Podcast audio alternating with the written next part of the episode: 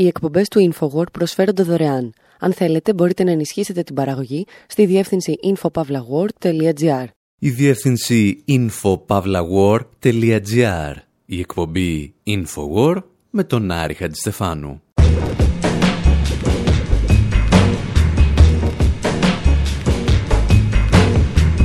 Όπου σήμερα συζητάμε για έναν μαύρο κύβο και κάτι συνταξιούχους της Μοσάντ. Αναρωτιόμαστε πώς είναι να παρακολουθούν τη γυναίκα σου μερικοί πρώην πράκτορες των Ισραηλινών μυστικών υπηρεσιών και γιατί αυτό μπορεί να θεωρείται από ορισμένους απόλυτα νόμιμο.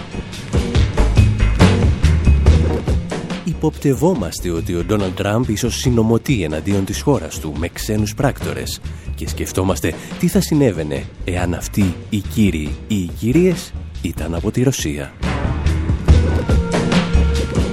Παρακολουθούμε δηλαδή τις καταγγελίες ότι ο Λευκός Οίκος χρησιμοποιούσε πρώην πράκτορες της Μοσάντ για να ρίξει λάσπη σε Αμερικανούς αξιωματούχους οι οποίοι υποστήριζαν τη συμφωνία με το Ιράν. Το κλειδί της υπόθεσης όμως έχει ο Βιβάλντι.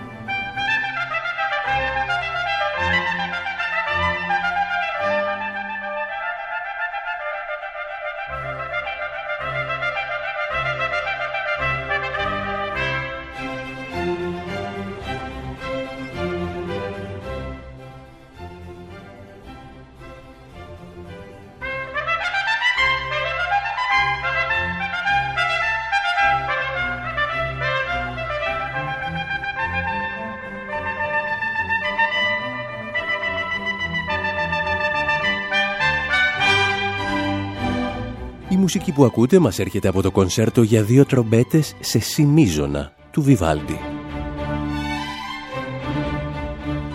Και η μόνη σχέση του με τη σημερινή εκπομπή είναι ότι το συγκεκριμένο κομμάτι ακούγεται στην ταινία «Όλοι οι άνθρωποι του Προέδρου» για την αποκάλυψη του σκανδάλου Watergate.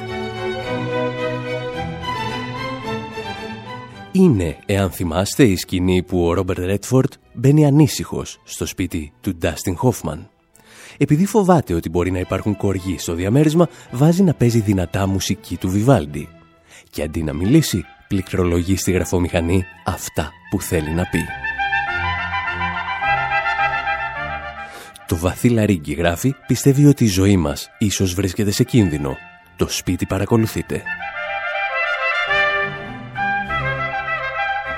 Η ιστορία όμως παίζει περίεργα παιχνίδια και η ταινία «Όλοι οι άνθρωποι του Προέδρου» επανήλθε στην επικαιρότητα με έναν μάλλον περίεργο τρόπο. Πριν από περίπου ένα χρόνο, η Αν Νόρις, πρώην αξιωματούχος του State Department, έλαβε ένα περίεργο email στον υπολογιστή της. Μια εταιρεία παραγωγής που άκουγε στο όνομα Cell Productions ζητούσε τη βοήθειά της για τα γυρίσματα μιας νέας ταινίας για το Λευκό Οίκο θα είναι, τη είπαν, κάτι ανάμεσα στο όλοι οι άνθρωποι του Προέδρου και το West Wing. Η Νόρις δεν απάντησε ποτέ και όπως αποκάλυψε πρόσφατα το περιοδικό New Yorker έκανε πολύ καλά. Γιατί ο αποστολέας του email δεν εργαζόταν για κάποια εταιρεία παραγωγής αλλά για μία από τις μεγαλύτερες ιδιωτικές εταιρείες πληροφοριών του πλανήτη.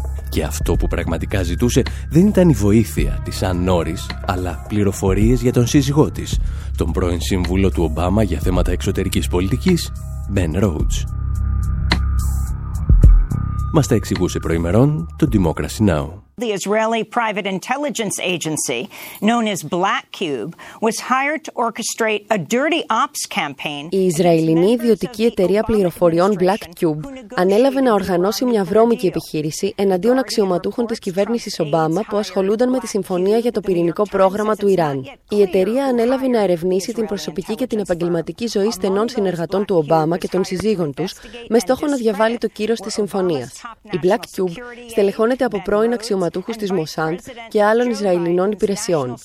Πρόκειται για την ίδια εταιρεία που προσέλαβε ο παραγωγός του Hollywood Harvey Weinstein για να εμποδίσει την κυκλοφορία άρθρων που αποκάλυπταν τα περιστατικά σεξουαλικής παρενόχλησης.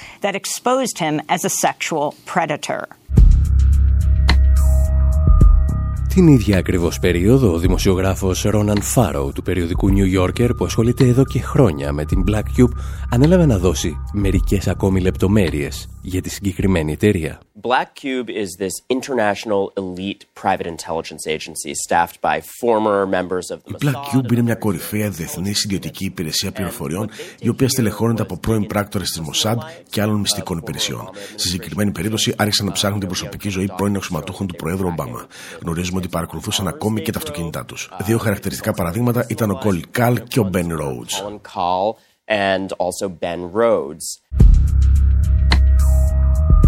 Σύμφωνα με τους New York Times, οι πράκτορες της Black Cube είχαν στη διάθεσή τους φωτογραφίες από τα σπίτια των Αμερικανών αξιωματούχων, αλλά και πληροφορίες για την προσωπική τους ζωή, οι οποίες θα μπορούσαν να χρησιμοποιηθούν εναντίον τους.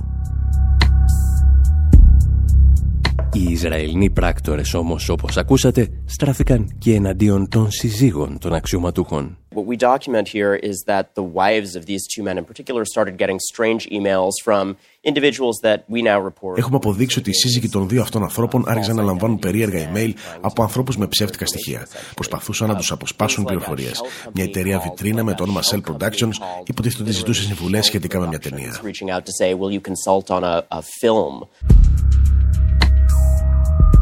Οι πληροφορίες παραμένουν συγκεχημένες ως προς το ποιος προσέλαβε την εταιρεία Black Cube. Ο Observer που αποκάλυψε πρώτος την υπόθεση υποστηρίζει ότι την προσέλαβαν άνθρωποι από το επιτελείο του Donald Trump.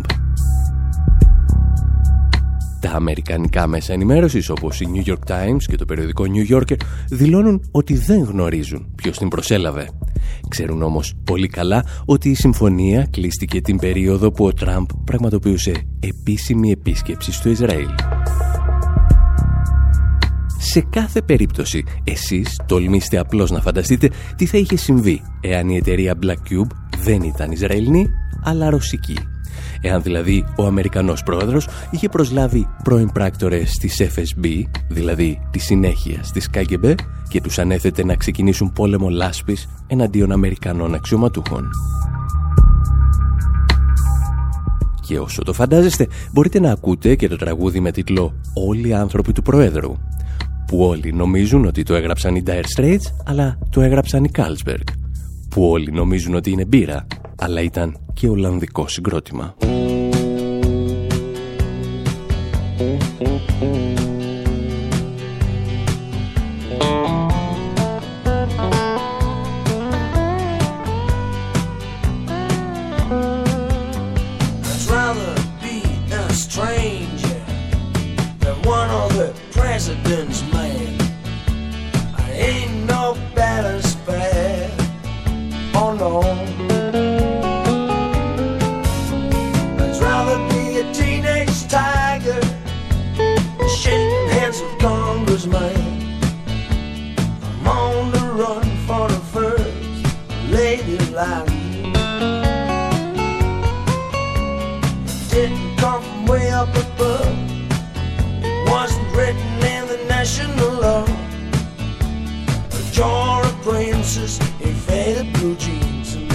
river.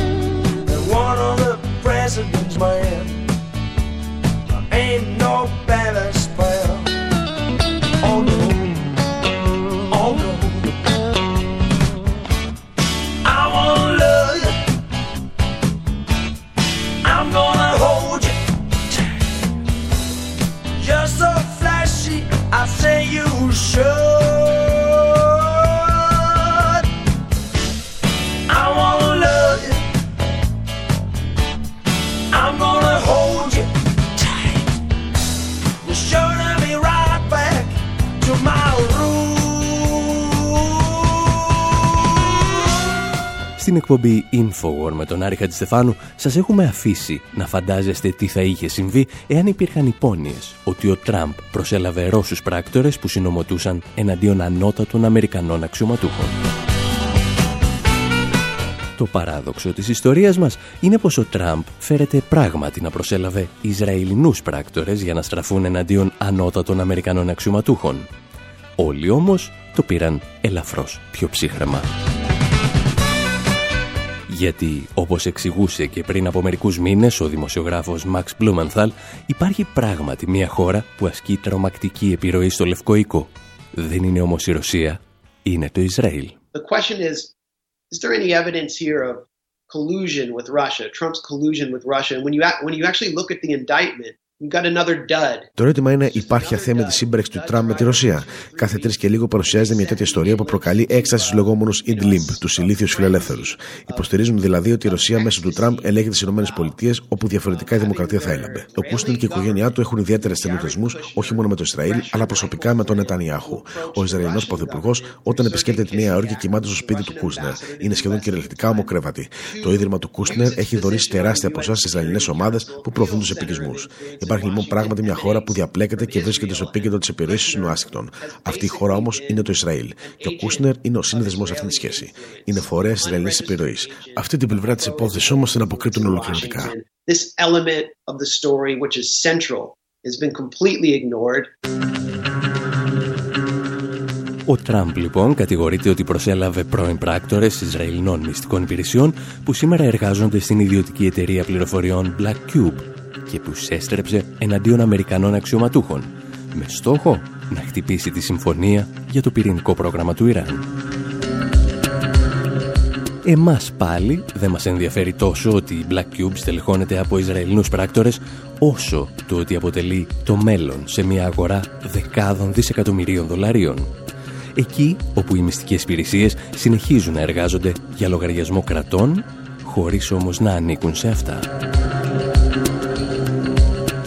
θα τα συζητήσουμε ευθύς αμέσως, παρακολουθώντας τις πιο συναρπαστικές ιστορίες ιδιωτικής κατασκοπίας.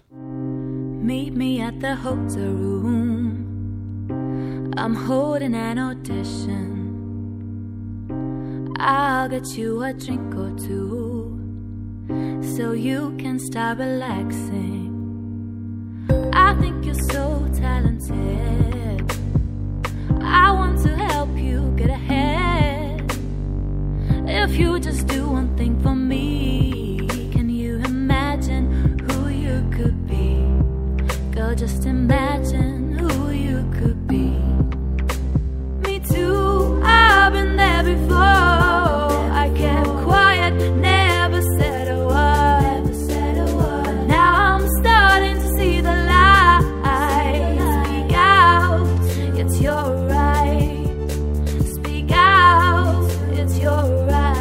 Κάποια Ελίζα που για να πούμε την αμαρτία μας δεν την είχαμε ξανακούσει στη ζωή μας και θα προτιμούσαμε να συνεχίσουμε έτσι, τραγουδά για το κίνημα Me Too.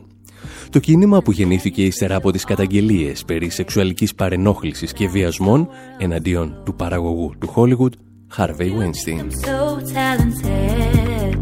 Ο Weinstein έγινε σύμβολο της ανδρικής χιδεότητας στη βιομηχανία του θεάματος και κανένας δεν θέλει να τους στερήσει αυτόν τον τίτλο. Ο ίδιος σκέφτηκε ότι θα μπορούσε να κερδίσει τη μάχη αναθέτοντας σε μια ιδιωτική εταιρεία κατασκόπων να τον προστατεύσει. Η είδηση εδώ όμως είναι το ποιος παρέπεμψε στην Ισραηλινή εταιρεία Black Cube. Moving now to the latest on the Harvey Weinstein rape investigations and this bizarre connection Συνεχίζουμε το πρόγραμμα με τα νεότερα από τις καταγγελίες εναντίον του Harvey Weinstein περί βιασμού και την περίεργη σύνδεσή του με το Ισραήλ. Γνωρίζουμε ότι ο Weinstein προσέλαβε μια ομάδα από πρώην πράκτορες του Ισραήλ για να ρίξει λάσπη σε όσους τον κατηγορούσαν για βιασμούς. Μαθαίνουμε όμως ότι ο άνθρωπος που του πρότεινε αυτή την εταιρεία ήταν ο πρώην πρωθυπουργός του Ισραήλ, Ehud Barak.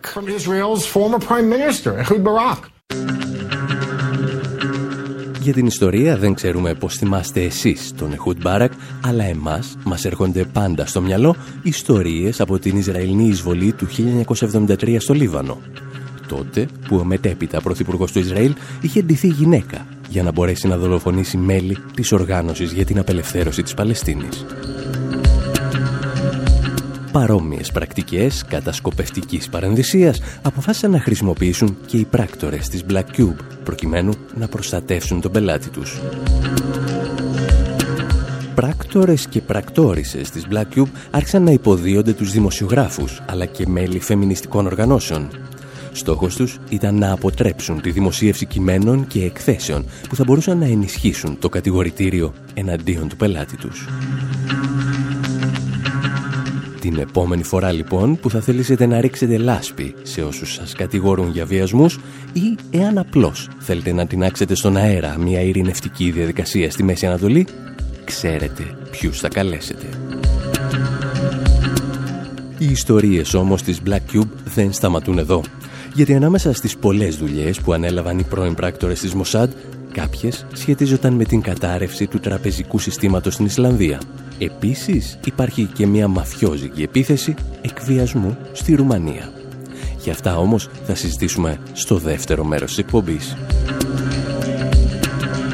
Εσείς, εάν δεν το ξέρετε, να θυμάστε ότι ετοιμάζουμε βαλίτσες για μία ακόμη μεγάλη αποστολή στη Βενεζουέλα. Θα παρακολουθήσουμε τις προεδρικές εκλογές και θα συνεχίσουμε τα γυρίσματα για το ντοκιμαντέρ μας Make the Economy Scream. Και αν θέλετε και εσείς να μας βοηθήσετε να μάθουμε τι πραγματικά συμβαίνει σε εκείνη τη γωνιά του πλανήτη, μπορείτε να το κάνετε από τη διεύθυνση info.pavlawar.gr και στο maketheeconomyscream.com.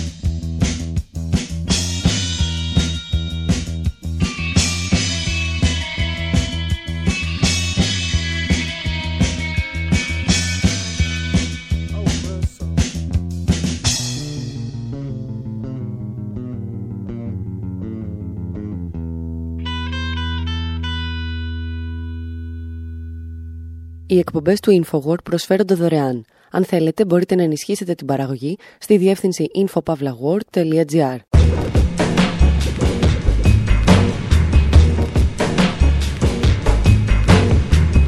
Εκπομπή Infowar, μέρος δεύτερο. Ο όπου διηγούμαστε ιστορίες ιδιωτικής κατασκοπίας με πρώην πράκτορες της Μοσάντ.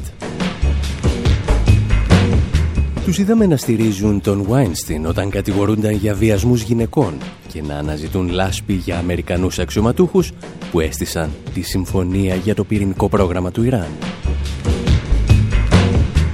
Συζητάμε δηλαδή για την Ισραηλινή εταιρεία πληροφοριών Black Cube και έχει έρθει η στιγμή να γνωρίσουμε την πρώτη μεγάλη της επιτυχία στην τραπεζική κρίση της Ισλανδίας.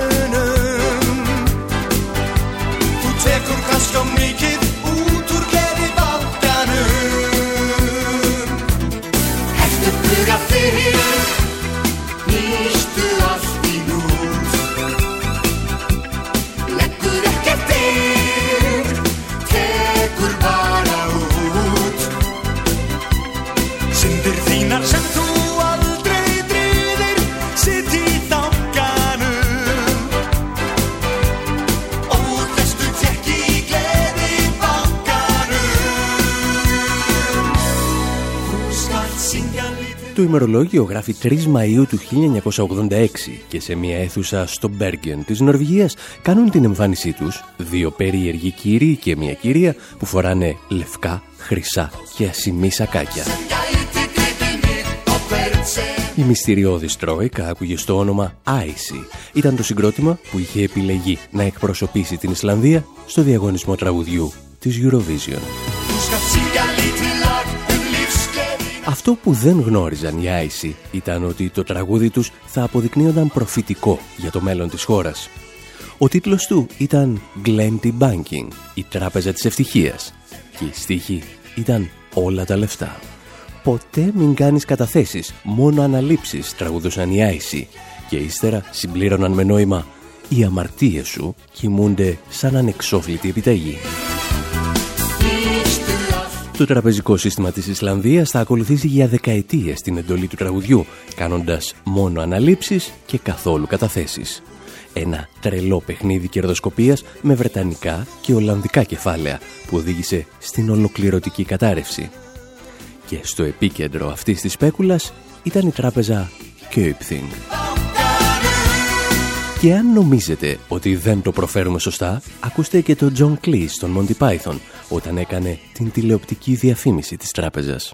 But the fact is that I want to represent the magnificent company of Kappa Flingthing. No, Kaupthing. What? Kaupthing. Uh, thing.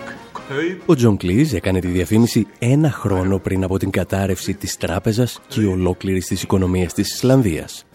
Τότε που όλοι ήταν ακόμη χαμογελαστοί και χαρούμενοι και οι οίκοι αξιολόγησης χειροκροτούσαν την πορεία της Ισλανδικής οικονομίας. Curbthink is the biggest company in Iceland. It's a company where you get all the benefits of a huge global multi Η Copthing είναι η μεγαλύτερη εταιρεία στην Ισλανδία. Μια εταιρεία στην οποία απολαμβάνεις όλα τα πλεονεκτήματα μιας τεράστιας παγκόσμιας τράπεζας εκατομμυρίων. Πόσα εκατομμύρια είπαμε είσαι στην Ισλανδία, 300.000 κάτοικοι. Καλά. Η Copthing λοιπόν είναι η μεγαλύτερη εταιρεία σε αυτή τη μικροσκοπική χώρα. is the biggest company in this tiny little country. so if the population is only 300,000 Και αν ο πληθυσμός σας είναι μόνο 300.000, γιατί κάνουμε αυτά τα ρυθμιστικά; Γιατί δεν τους παίρνετε όλους ένα τηλέφωνο; pick up the phone and give everyone a call. Ενδεχομένως τα στελέχη της Köpthing να πήραν όλους τους Ισλανδούς τηλέφωνο μέσα στην παραζάλη ενός τραπεζικού συστήματος καζίνο. Ύστερα όμως ήρθε το τέλος. Η Köpthing κατέρευσε και η κυβέρνηση της Ισλανδίας αντί να την ανακεφαλαιοποιήσει, την εθνικοποίησε. Άκουσον, άκουσον. Ήθελε, λέει, να μην πληρώσουν οι Ισλανδοί πολίτες την κερδοσκοπία ξένων χωρών. Άκουσον, άκουσον. Και όλα αυτά έγιναν, λέει, γιατί ο πρόεδρος της χώρας σεβάστηκε το αποτέλεσμα ενός δημοψηφίσματος. Άκουσον, άκουσον. Αυτό που εμάς μας αφορά σήμερα είναι ότι τρία χρόνια μετά την κρίση οι αρχές της Ισλανδίας και της Μεγάλης Βρετανίας πίστεψαν ότι έχουν εντοπίσει τον ένοχο της κατάρρευσης. Λεγόταν Ρίτσαρτ Τσέγκης και αν πιστέψουμε τα ρεπορτάζ των Βρετανικών μέσων ενημέρωσης αποτελεί ίσως το σημαντικότερο απομεινάρι της φεουδαρχίας στην εποχή μας. Για την ακρίβεια, είναι αυτό που ο Κάρολος Μάρξ θα αποκαλούσε ο απόλυτος ραντιέρης. Vincent Cengiz is the UK's largest owner of residential real estate and specializes in apartment buildings. Ο Vincent Τσένκη είναι ο μεγαλύτερος ιδιοκτήτης οικοπαίδων κατοικιών στη Μεγάλη Βρετανία. Ειδικεύεται σε μια ειδική κατηγορία νοικιάσεων που έχει τις ρίζες της στη φιωδαρχία. 250.000 ιδιοκτήτες ακινήτων που έχουν τα σπίτια τους στα οικοπαίδα του πληρώνουν σε αυτόν 80 εκατομμύρια δολάρια το χρόνο. Και όλα αυτά τα αγόρασε με δανεικά χρήματα. Το 2011 όμως ο Τζένκιν αντιμετώπισε ένα πρόβλημα.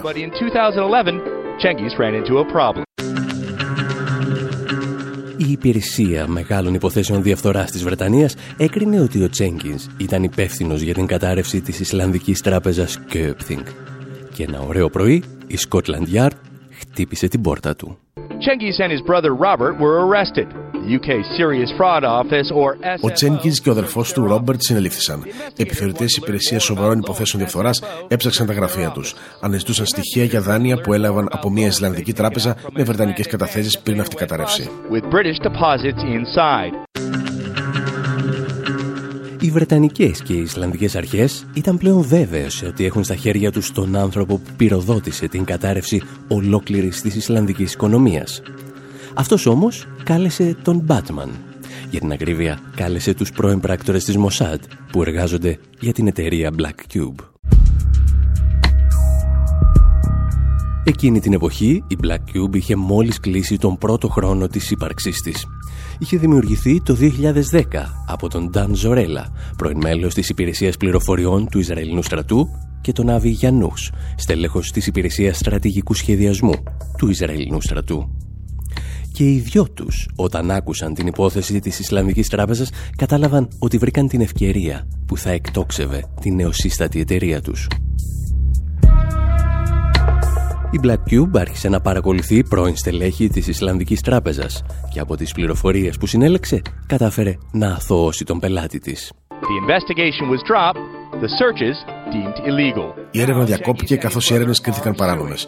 Τώρα ο Τζένκιν και ο αδερφός του ζητούν από τις Βρετανικές Αρχές μισό δισεκατομμύριο δολάρια αποζημίωση. Δηλαδή 10 φορές περισσότερα από τον προπολογισμό της αγγελία που είχε διατάξει την έρευνα. Times the prosecutor's annual budget. Χάρη λοιπόν στην παρέμβαση μιας Ισραηλινής εταιρείας, ο διοκόμενος έγινε διώκτης.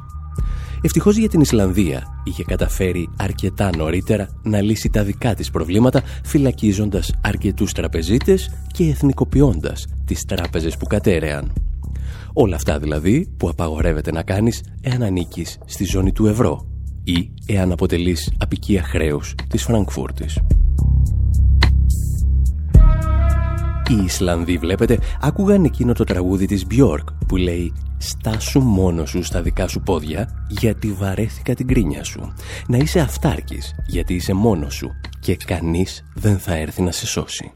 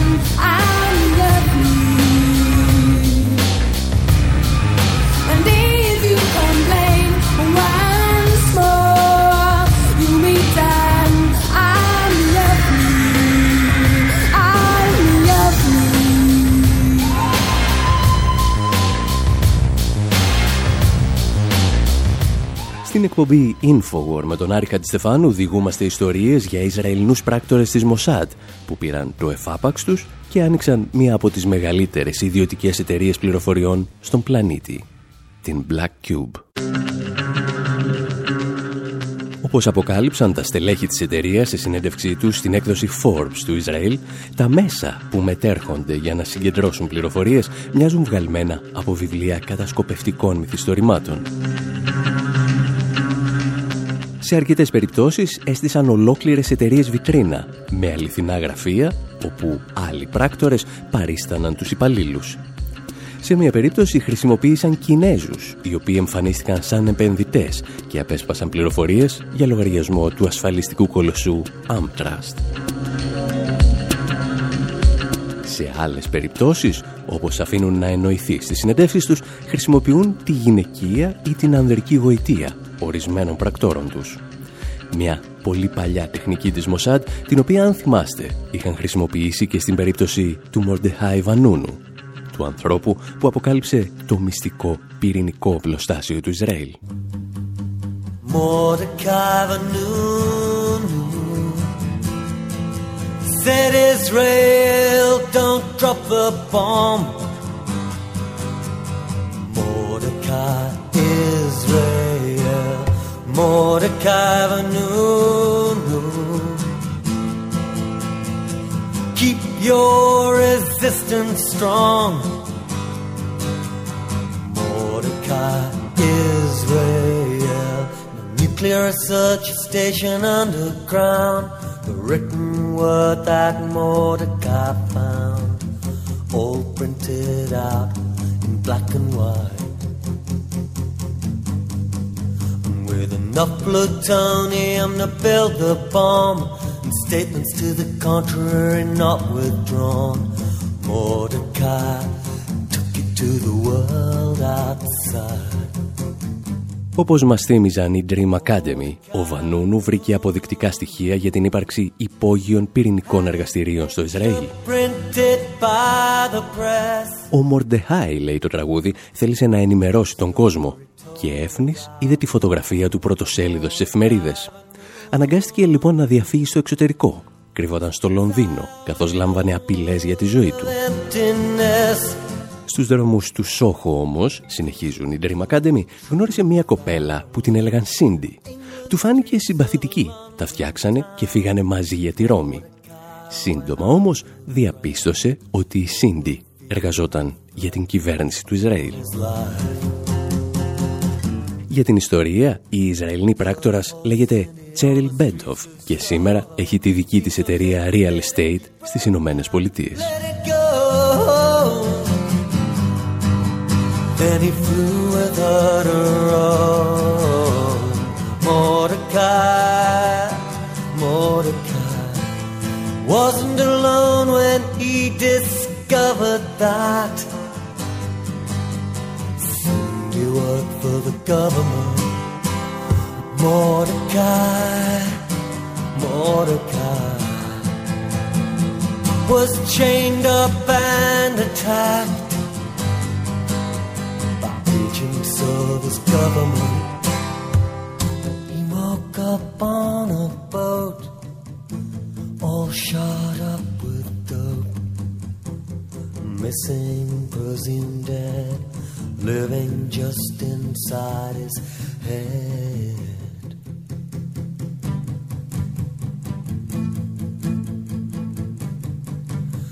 Until he turned up in Tel Aviv on matters of state security in the back of a police van. But he had a message written on the palm of his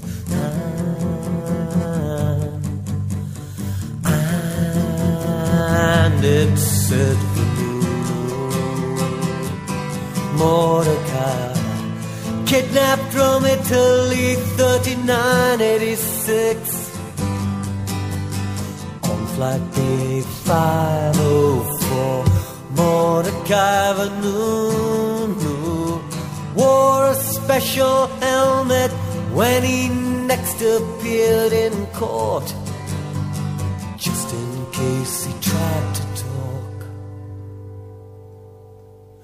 living word that Mordecai heard, living word that Mordecai heard, that rang loud inside his head. Wasn't loud enough.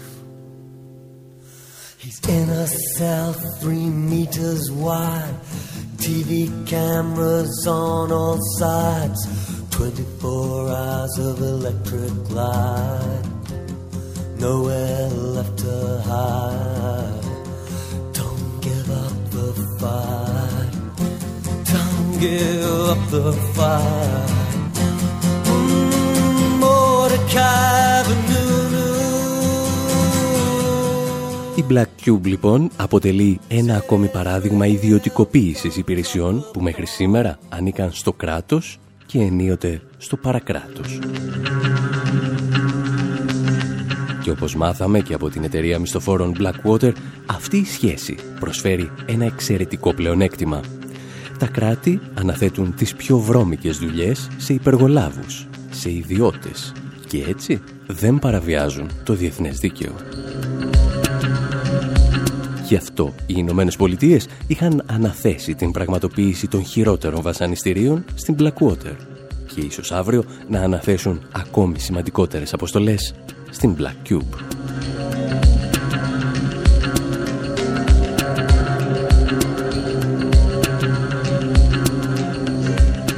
Κάπου εδώ όμως εμείς λέμε να σας αφήσουμε και για αυτή την εβδομάδα. Να σας θυμίσουμε ότι αναχωρούμε και πάλι για το Καράκα της Βενεζουέλας, όπου θα παρακολουθήσουμε τις προεδρικές εκλογές και φυσικά θα συνεχίσουμε τα γυρίσματα του ντοκιμαντέρ Make the Economy Scream. Και αυτό το ταξίδι πραγματοποιείται χάρη στη δική σας οικονομική συνεισφορά, όπως και όλες οι αποστολές στο πλαίσιο του νέου μας project. Μπορείτε λοιπόν να μπαίνετε στη διεύθυνση info.pavlawar.gr όπου θα σας ενημερώνουμε για όλα τα νεότερα, με ανταποκρίσεις για όσα συμβαίνουν στη Βενεζουέλα και δεν φτάνουν στην Ευρώπη. Και αν θέλετε να βοηθήσετε κι εσείς σε μια προσπάθεια ανεξάρτητης δημοσιογραφίας, μπορείτε να το κάνετε από τη διεύθυνση maketheeconomyscream.com Μέχρι πάντως το επόμενο ραδιοφωνικό ραντεβού μας, από τον Άρη Χατζηστεφάνου στο μικρόφωνο και τον Δημήτρη Σαθόπουλο στην τεχνική επιμέλεια, γεια σας και χαρά σας.